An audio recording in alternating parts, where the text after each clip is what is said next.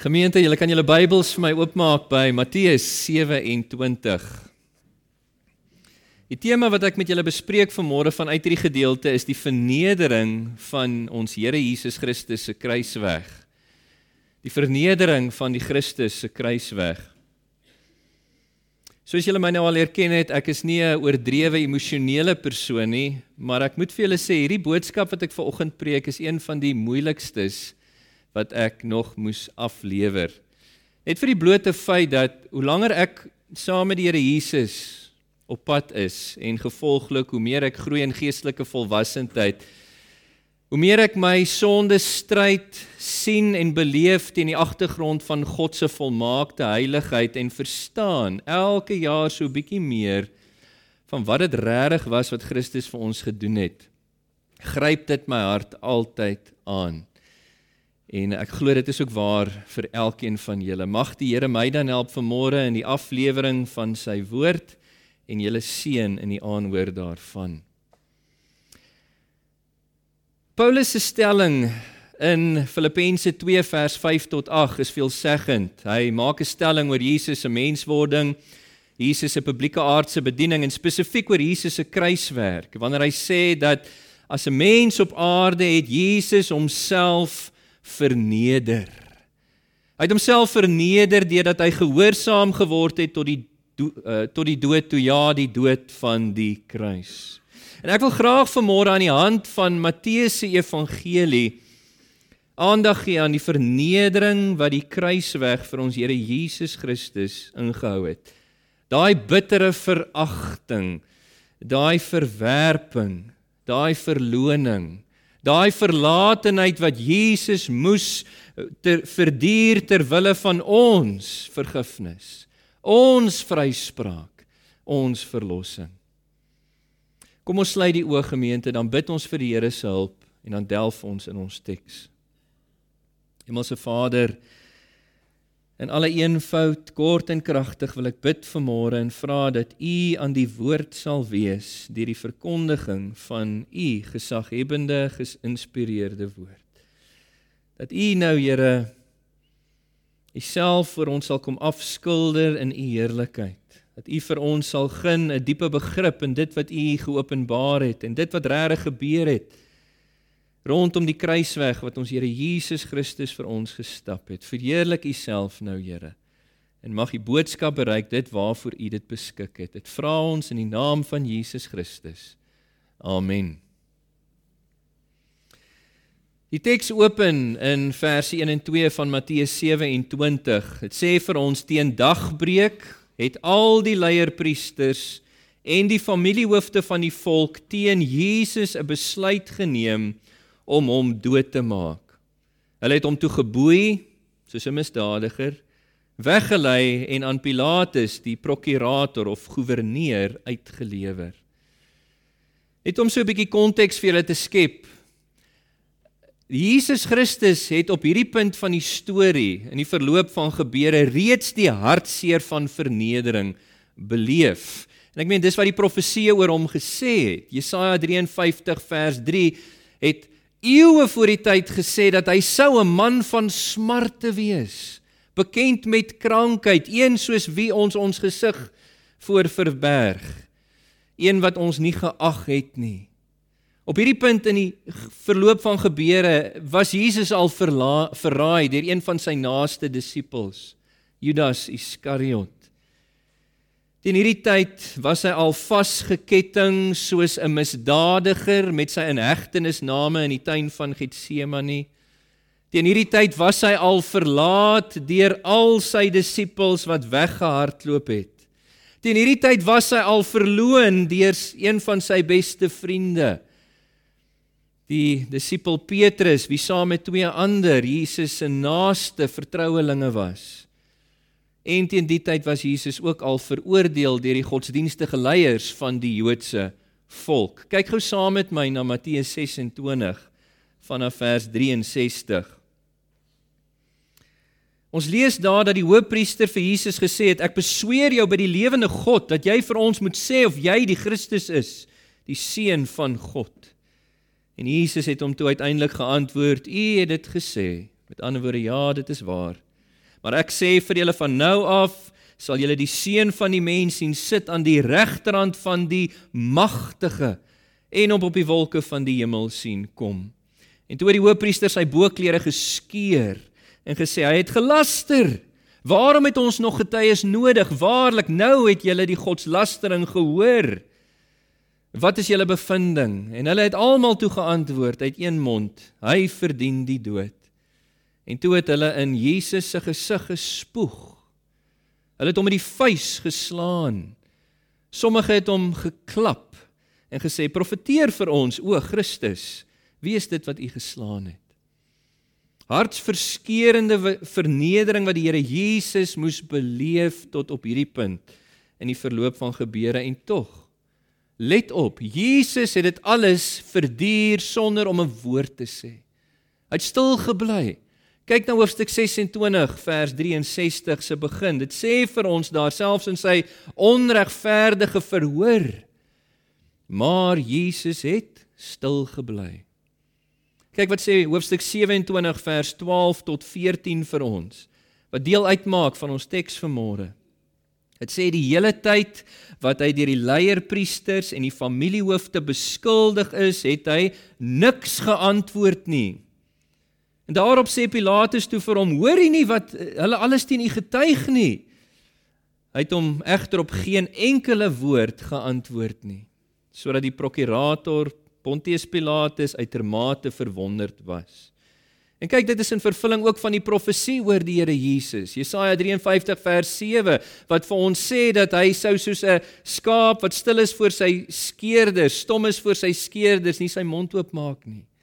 Petrus sê vir ons later in 1 Petrus hoofstuk 2 vers 23 toe hy beskuldig is, toe hy gedreig is, het hy nie teruggedreig nie. Hy was stil en dis vir ons 'n aanduiding van die Here Jesus se gewilligheid om hierdie kruisweg namens jou en namens my te stap. Hy het glad nie teenstand gebied nie, hy het hulle nie eers geantwoord nie. Hy het homself totaal oorgegee aan die wil van die Vader om wat sê Paulus vir ons in Filippense 2 vers 5 tot 8 om gehoorsaam te word tot die dood toe, ja, die dood van die kruis. En Pilatus, soos vers 14 sê, was verwonderd. Ek meen in sy opinie het Jesus glad nie opgetree soos 'n skuldige persoon nie. Tog eh, Jesus verraai, Jesus se vasketting, Jesus se verlaat deur sy disippels, Jesus se verloning deur Petrus, Jesus se veroordeling deur die godsdienstige leiers was nie waar Jesus se vernedering gestop het nie. Ons lees verder aan in die teks spesifiek omtrent Jesus se vernedering deur die Joodse volk. Jesus se vernedering deur die Joodse volk. Dit blyk vir ons uit Matteus 27 dat Pilatus onwillig was om Jesus tot hierdie griesame dood van die kruis te veroordeel en hy het deur 'n gereelde gebruik probeer om Jesus vry te laat. Want hy was nie oortuig van Jesus se skuld nie uit die aard van die saak. Veral nie nadat sy vrou woord gestuur het na hom toe omtrent Jesus se regverdigheid nie. Kyk gou en lees saam met my in julle Bybels Matteus 27 vanaf vers 15. Dit sê vir ons by elke fees van die Jode het die prokurator die gebruik gehad om vir die skare een gevangene van hulle keuse vry te laat. En hulle het in daardie stadium 'n berugte gevangene aangehou met die naam Jesus Barabbas. Toe die skare byeen was, het Pilatus hulle gevra: "Wie wil julle hê moet ek vir julle vrylaat? Jesus Barabbas of Jesus wat as Christus bekend staan?" want hy het geweet dat hulle hom uit naaiwer oorgelewer het. En terwyl Pilatus op die regbank sit, het sy vrou 'n boodskap na hom toe gestuur. Jy moet niks te doen hê met daardie regverdige man nie, want ek het vanaand gedroom in 'n droom baie oor hom verduur. Pilatus het geweet, soos ons sien hier in vers 18 en ek weet nie of julle dit opgemerk het nie. Hy het geweet dat Jesus staan verhoor voor hom hier nie weens Jesus se skuld nie, maar weens die naaiwer van die godsdienstige leiers en die Joodse volk. Maar hierdie godsdienstige leiers, die leierpriesters met ander woorde, en die Jode onder hulle familiehoofde was gestel op Jesus se kruisiging. Hulle wou hom uit die weg ruim, soveel so dat Jesus se volksgenote, die Jode, die die skape van die huis van Israel aan hulle wie hy verlossing eerste kom verkondig het en kom aanbied het dat hulle hulle koning verdoem het tot die dood in ruil vir 'n misdadiger Barabbas. En Pilatus was te bangbroek. Hy was te bang vir 'n oproer. Dit het al voorheen gebeur onder sy jurisdiksie. En dit sou hom in die moeilikheid bring met die owerhede in Rome. Daarom het hy nie die veroordeling van hierdie onskuldige man stopgesit soos wat sy verantwoordelikheid was nie. Hy het bloot sy hande in onskuld gewas om 'n oproer te vermy. Kyk gou saam met my verse 20 tot 26 sê vir ons dat die leierpriesters, die familiehoofde het die skare ooreed dat hulle op Barabbas moes aandring. En hulle Jesus moes laat doodmaak. Die prokurator het hulle weer gevra: "Wie van die twee wil julle hê moet ek vir julle vrylaat?" Hulle het geroep Barabbas. Pilatus vra hulle toe: "Wat moet ek dan maak met Jesus wat as Christus bekend staan?" En hulle roep toe almal uit: "Laat hy gekruisig word." Hy het gevra: "Maar watter kwaad het hy dan gedoen?" Hulle het egter nog harder geskreeu: "Laat hy gekruisig word." Uit een mond uit. En toe Pilatus sien dat hy niks bereik het nie, maar dat daar eerder 'n oproer kom, het hy water geneem en voor die skare sy hande gewas en gesê: "Ek is onskuldig aan die bloed van hierdie man. Julle moet maar self toesien." Die hele volk het toe geantwoord: "Laat sy bloed op ons en op ons kinders kom." En ons weet dat die Here het daai woorde letterlik opgeneem in die vervulling van die gebeure van 70 na Christus in daai generasie. Laat sy bloed op ons en ons kinders kom en daarop het Pilatus vir Barabbas vrygelaat maar Jesus het hy laat gesel en toe oorgelewer om gekruisig te word. En ons wonder, hoe kan so iets gebeur? Hoe is dit moontlik dat die onskuldige Jesus veroordeel kan word tot die dood toe in ruil vir 'n skuldige misdadiger?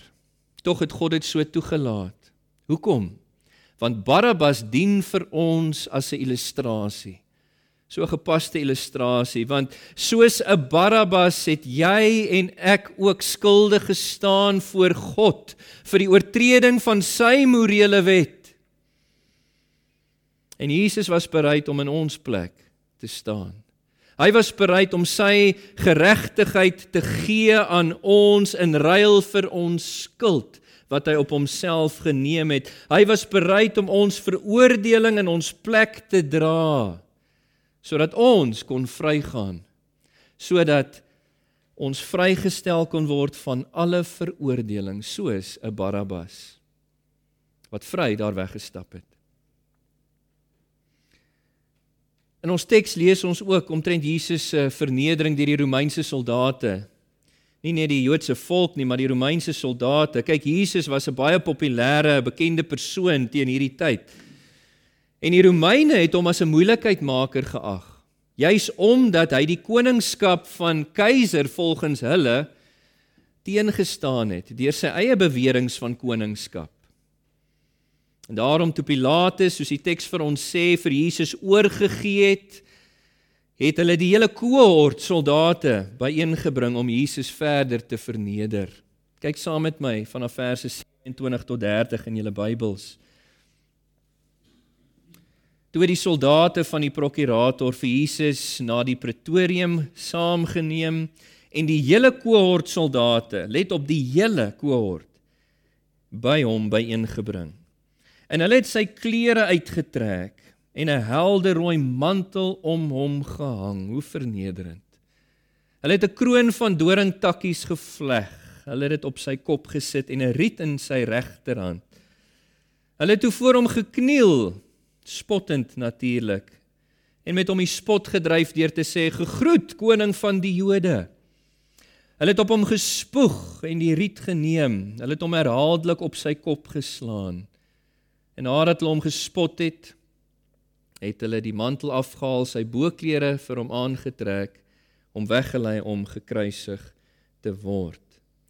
Wat ek wil hê julle moet oplet is dat dit is absoluut in vervulling van die profeseë dat dit sou gebeur met die Christus Jesaja 50 vers 6 het gesê: "My rug het ek gehou vir hulle wat slaan. My wange vir hulle wat die baard uitpluk. My gesig het ek nie verberg vir die beledigings en vir die spoeg nie." En is presies wat ons sien in vervulling gaan hierso. Daarna, soos ek gelees het, het hulle hom weggelei om gekruisig te word. En dit was 'n humanitêre gebruik deur die Romeinse soldate om giftige kruie vir diegene te gee wat gekruisig gaan word. Dis 'n tipe kerwel wat hulle gegee het wat die senuweestelsel verdoof het om daai fisiese pyn van kruisiging te verlig. Maar let op. Jesus weier daai kruie wat almal oor die algemeen altyd geneem het. Jesus weier dit.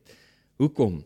Om te wys soos wat hy deur sy stilswye vir ons gewys het dat hy bereid was om ten volle die lyding wat ons verlossing bepaal het te verduur. Hy sou en hy wou by sy volle positiewe bly terwyl hy die volmaakte offer vir ons sondes aan God die Vader gewy het. Lees saam met my vanaf vers 33 toe hulle by die plek kom met die naam Golgotha wat Kobbeen plek beteken, het hulle vir hom wyn gemeng met giftige kruid gegee om te drink. En toe hy dit proe, wou hy dit nie drink nie. Nadat hulle hom gekruisig het en uh, dan gaan die teks so aan. Um, nadat hulle hom gekruisig het, het hulle sy boklere verdeel deur daaroor te loot. Daarna het hulle daar gaan sit om hom te bewaak. En dan 'n verdere vernedering van die Here deur hierdie Romeinse soldate is die feit dat hulle hom soos 'n alledaagse misdadiger tussen misdadigers, twee rowers opgehang het, sê vers 38. Toe is twee rowers deur die Romeinse soldate saam met hom gekruisig, een aan sy regterhand, een aan sy linkerhand.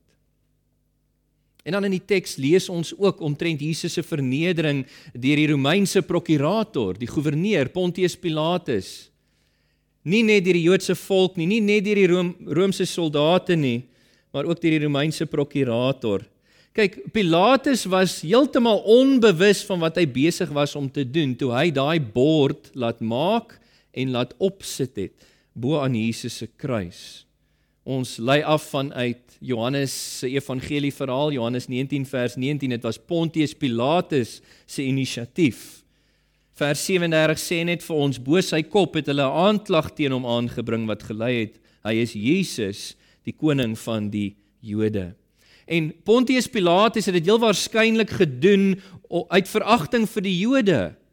Omdat hy suur was dat hulle hom in so 'n moeilike posisie geplaas het om 'n onskuldige man tot die dood te veroordeel. Ons kry daai idee uit Johannes se evangelie verhaal. Maar hoe ironies dit ook al is. Want kyk, daai kennisgewing het die waarheid oor Jesus geproklaameer. Hy was inderdaad die koning van die Jode. En nie net dit nie, hy is die koning van die heelal. Koning van konings. Nietemin was dit as 'n bespotting bedoel en almal wat dit gesien het, het hom verag, verwyd, hulle het hom gelaster, hulle het hom uitgejou. Byvoorbeeld, ons lees ook van Jesus se vernedering deur die verbygangers. Jesus se vernedering deur die verbygangers. Golgotha, die Kobbeen plek, daai heuwel wat soos 'n kobbeen gelyk het waarop Jesus gekruisig is. Dit was naby die ingang van een van uh, die poorte van Jerusalem. Ah, ja, die stad Jerusalem. En uh, daar was baie verbygangers wat gedurig in en uit beweeg het, veral in feestydde soos ons nou gelees het hier in vers 27 uh, hoofstuk 27 vers um, 15 feestyd en daar was inwoners van die stad, daar was handelaars, daar was boere van die omtrek, daar was toeriste wat die hele tyd daar verby beweeg het en meestal was hulle Jode en hulle het Jesus gesien daar in hierdie opskrif oor sy kop. En ons lees in verse 39 en 40 hoe hulle hom verag het.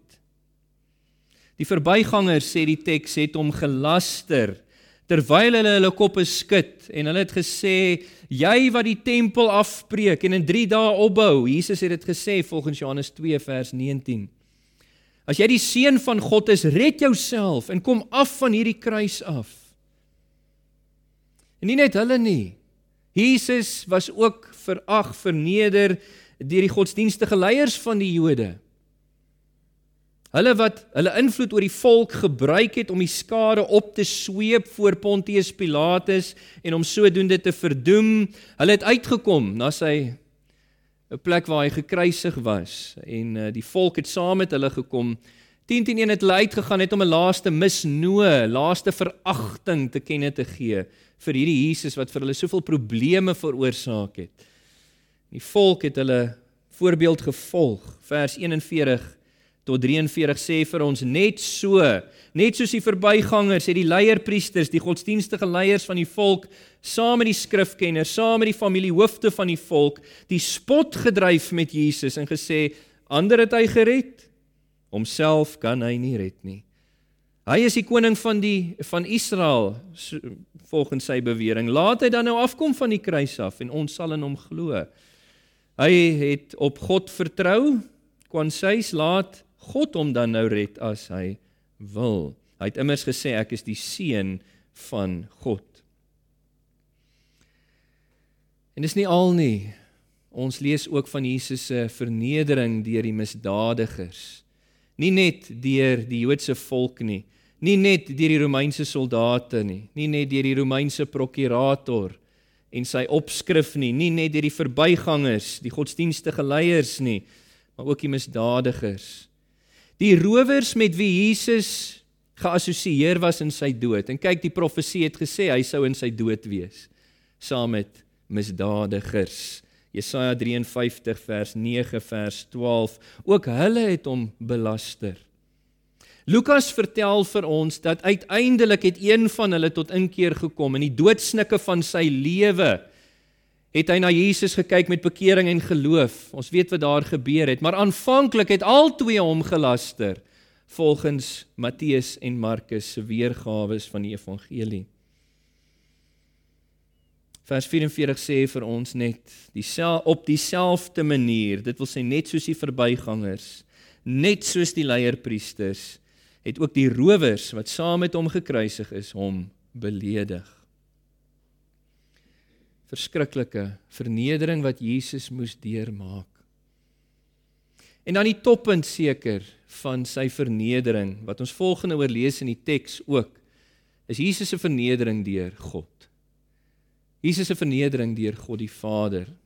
Kyk, dis vir ons moeilik om in te dink dat God die Vader vir God die Seun so tot sy dood kon verneder, maar dis presies wat die profesie vir ons gesê het. Jesaja 53 vers 10 het gesê dit het God behaag om hom te verbrysel. En uiteindelik is dit die soewereine maghebber oor die heelal, God die Vader wat vir Jesus gestuur het op hierdie missie van vernedering. 'n Missie natuurlik wat Jesus vrywillig opgeneem het, vrywillig uitgevoer het. Dis God die Vader wat beskik het oor sy vernedering. En enige een wat dit wil bestempel as kosmiese kindermishandeling, gee hulle onkunde te kenne. Hulle gee te kenne dat hulle nie 'n vaagste benul het van die omvang van God se heiligheid en sy geregtigheid nie. Wat hierdie vernedering vereis het nie. Hulle het nie die vaagste benul van die boosheid van sonde wat bepaal het dat hierdie vernedering die koste as betaling sou wees. Hulle het die vaagste benul van God se liefde vir sy skepsels wat hom gedryf het om daai koste te betaal in homself nie.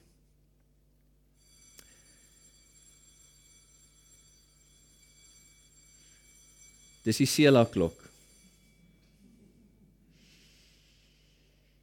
Toe God die Vader vir Jesus Christus verbrysel het aan die kruis, het drie gebeure plaasgevind in die teks wat ons van lees. Drie gebeure met 'n besonderse betekenis wat ek vir julle wil uitwys.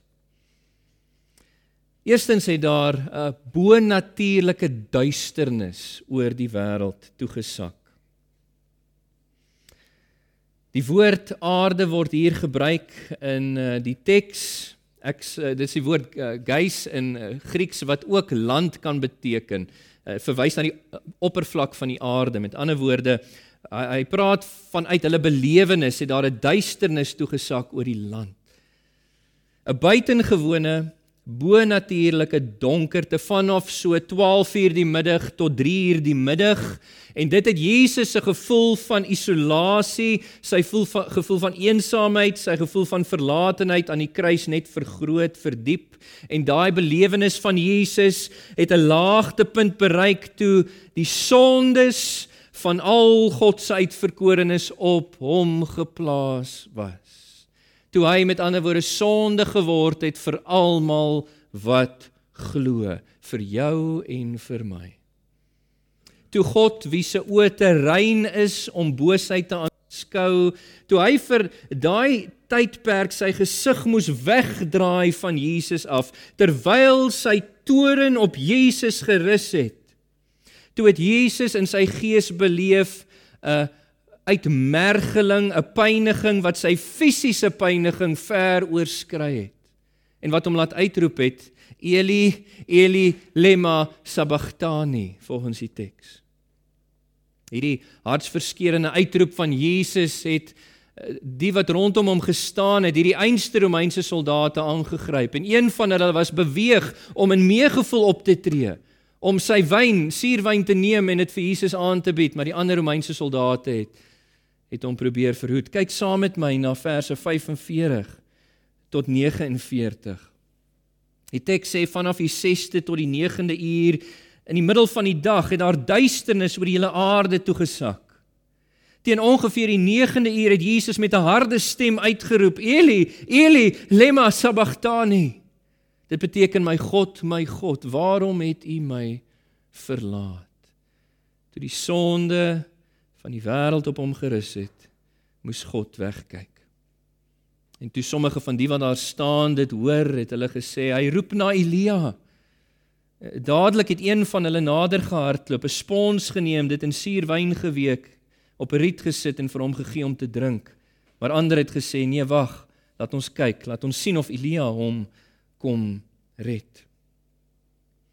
En nie net het duisternis oor die land toe gesak nie. Tweedens daar het ook 'n skeuring van die voorhangsel plaasgevind. Omdat Jesus Christus die gruwel van God verlatenheid verduur het vir ons, hoef jy en ek nooit ooit weer deur God verlate te wees nie. Nooit afgeskei, nooit verwyder te wees van die Vader nie. En dis wat vir ons hier uitgebeeld word. Dis die implikasie volgens Hebreërs 6 vers 19. Hebreërs 10 vers 19 en 20. Onthou onder die ou verbond binne in die tabernakel, binne in die tempel was die allerheiligste plek, daar waar God sy woning gemaak het te midde sy volk. Dit was afgeskei deur 'n voorhangsel. En dit was om die volk te beskerm teen die volmaakte heiligheid van God. Dit sou so bly totdat daai volmaakte offer wat beloof was waarop die Ou Testament gelowiges gewag het totdat daai offer gebring sou word. Daai offer waarvan elke onvolmaakte Ou Testamentiese diereoffer slegs 'n tipe was. En Jesus het daai offer gebring.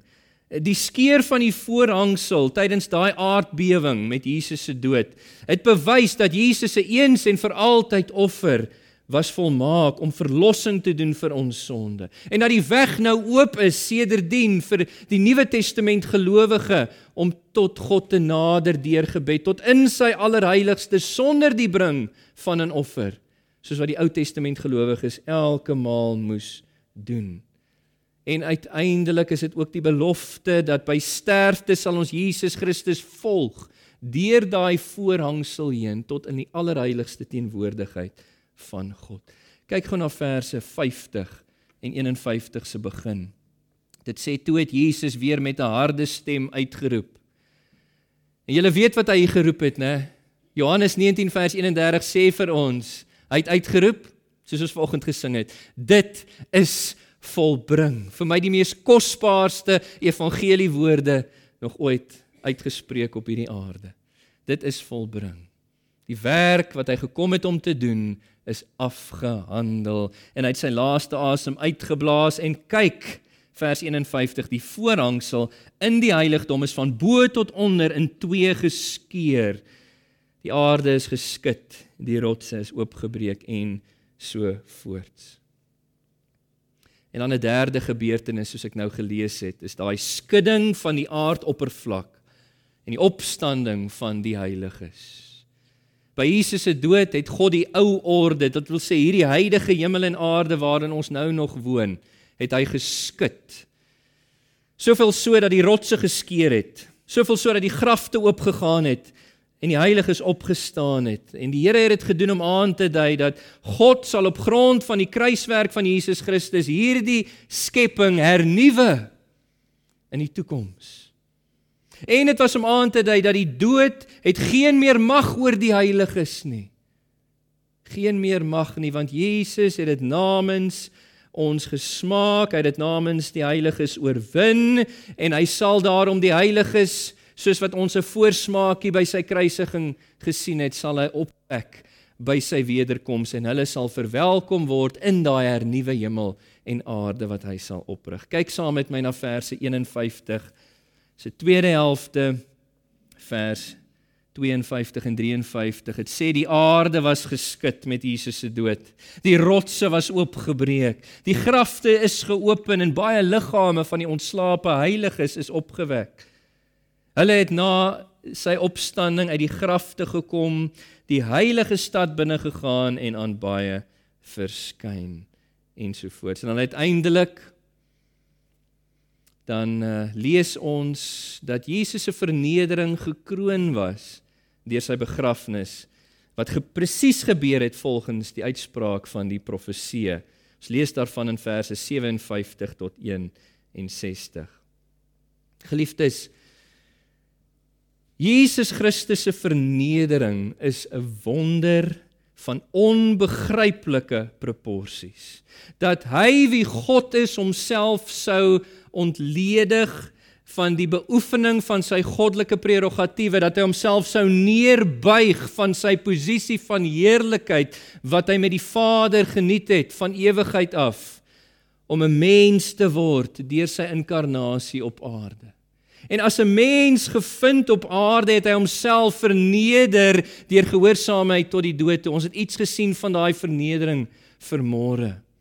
Die dood van die kruis en is juis as gevolg daarvan dat Paulus aangaan met sy stelling en sê daarom het God hom ook uitermate verhoog Jesus omdat hy homself vrywilliglik ter wille van ons verlossing van sonde verneder het, het God hom verhoog om 'n naam gegee bo elke naam wat bestaan sodat elke tong sou bely en elke knie sou buig voor hom as die Here. Ag ons lees soveel lesse oor God se karakter vanuit dit wat Jesus vir ons kom doen het, oor sy heiligheid en geregtigheid. As ons kyk na die vernedering van Jesus tot in die graf wat dit gekos het om daai volmaakte heiligheid en geregtigheid tevrede te stel. Ons leer lesse oor God se genade. Ons wat onverdiende sondaars was dat God in sy liefde dit vir ons sou doen. Die pad stap, die vernedering beleef wat ons moes beleef dat hy dit gedoen het in ons plek en ook oor die liefde van God dat hy uit sy liefde vir sy skepsels vir jou en my bereid was vir hierdie vernedering wat die heiligheid van God vereis het. Ek wil afsluit net deur te sê Jesus het volgens ons teks so 'n ontsettende prys van vernedering betaal. Hy het die duisternis volgens wat ons gelees het van God verlatenheid gesmaak sodat diegene wat in hom glo nooit verlate hoef te wees deur God nie. Jesus Christus het die voorhangsel geskeur deur sy dood sodat die wat glo no, vrye toegang mag hê tot God die Vader se genade troon. En daarom wil ek vanoggend vir julle aanmoedig kom na Jesus Christus toe. Kom na hom toe om die vreugde van sonde se vergifnis, sonde se vryspraak, sonde se verlossing te kom smaak. En dan ook om naby aan God te leef elke oomblik van elke dag van jou lewe, 'n lewe van dankbaarheid vir dit wat Jesus beleef het in sy vernedering, 'n lewe van aanbidding vir dit wat Jesus beleef het in sy vernedering. Dit het hom 'n ontsettende prys gekos om dit vir ons moontlik te maak. Laat ons dit aangryp met vrymoedigheid. Amen. Kom ons sluit ons oë. Hemelse Vader, ons eer U vir die kruisweg van Jesus Christus, dit wat ons vanoggend herdenk op Goeie Vrydag. Here mag ons nagaan dink oor hierdie hartsverskeurende, aangrypende gebeure wat ons ver oggend oorgesels het. Here beweeg ons harte dat ons nie koud en gevoelig sou voeloos sou wees teenoor dit wat U vir ons in ons plek verdier het nie. Maar Here dat dit ons mag beweeg tot opnuute opregte waardering vir U. En ons beweeg en motiveer daarna na lewens van dankbaarheid, lewens van aanbidding.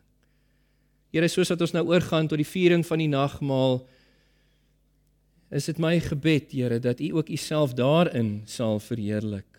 Soos wat ons verder oordink hierdie gebeure en onsself voorberei om deel te neem aan die brood en die wyn die elemente rigtingwysers na u gebroke liggaam en die bloed gestort vir ons. En ook verheerlik u self daarna in die uitspreek van die seën, die sing van die slotlied en ons same sy na die tyd. Dit vra ons in Jesus naam. Amen.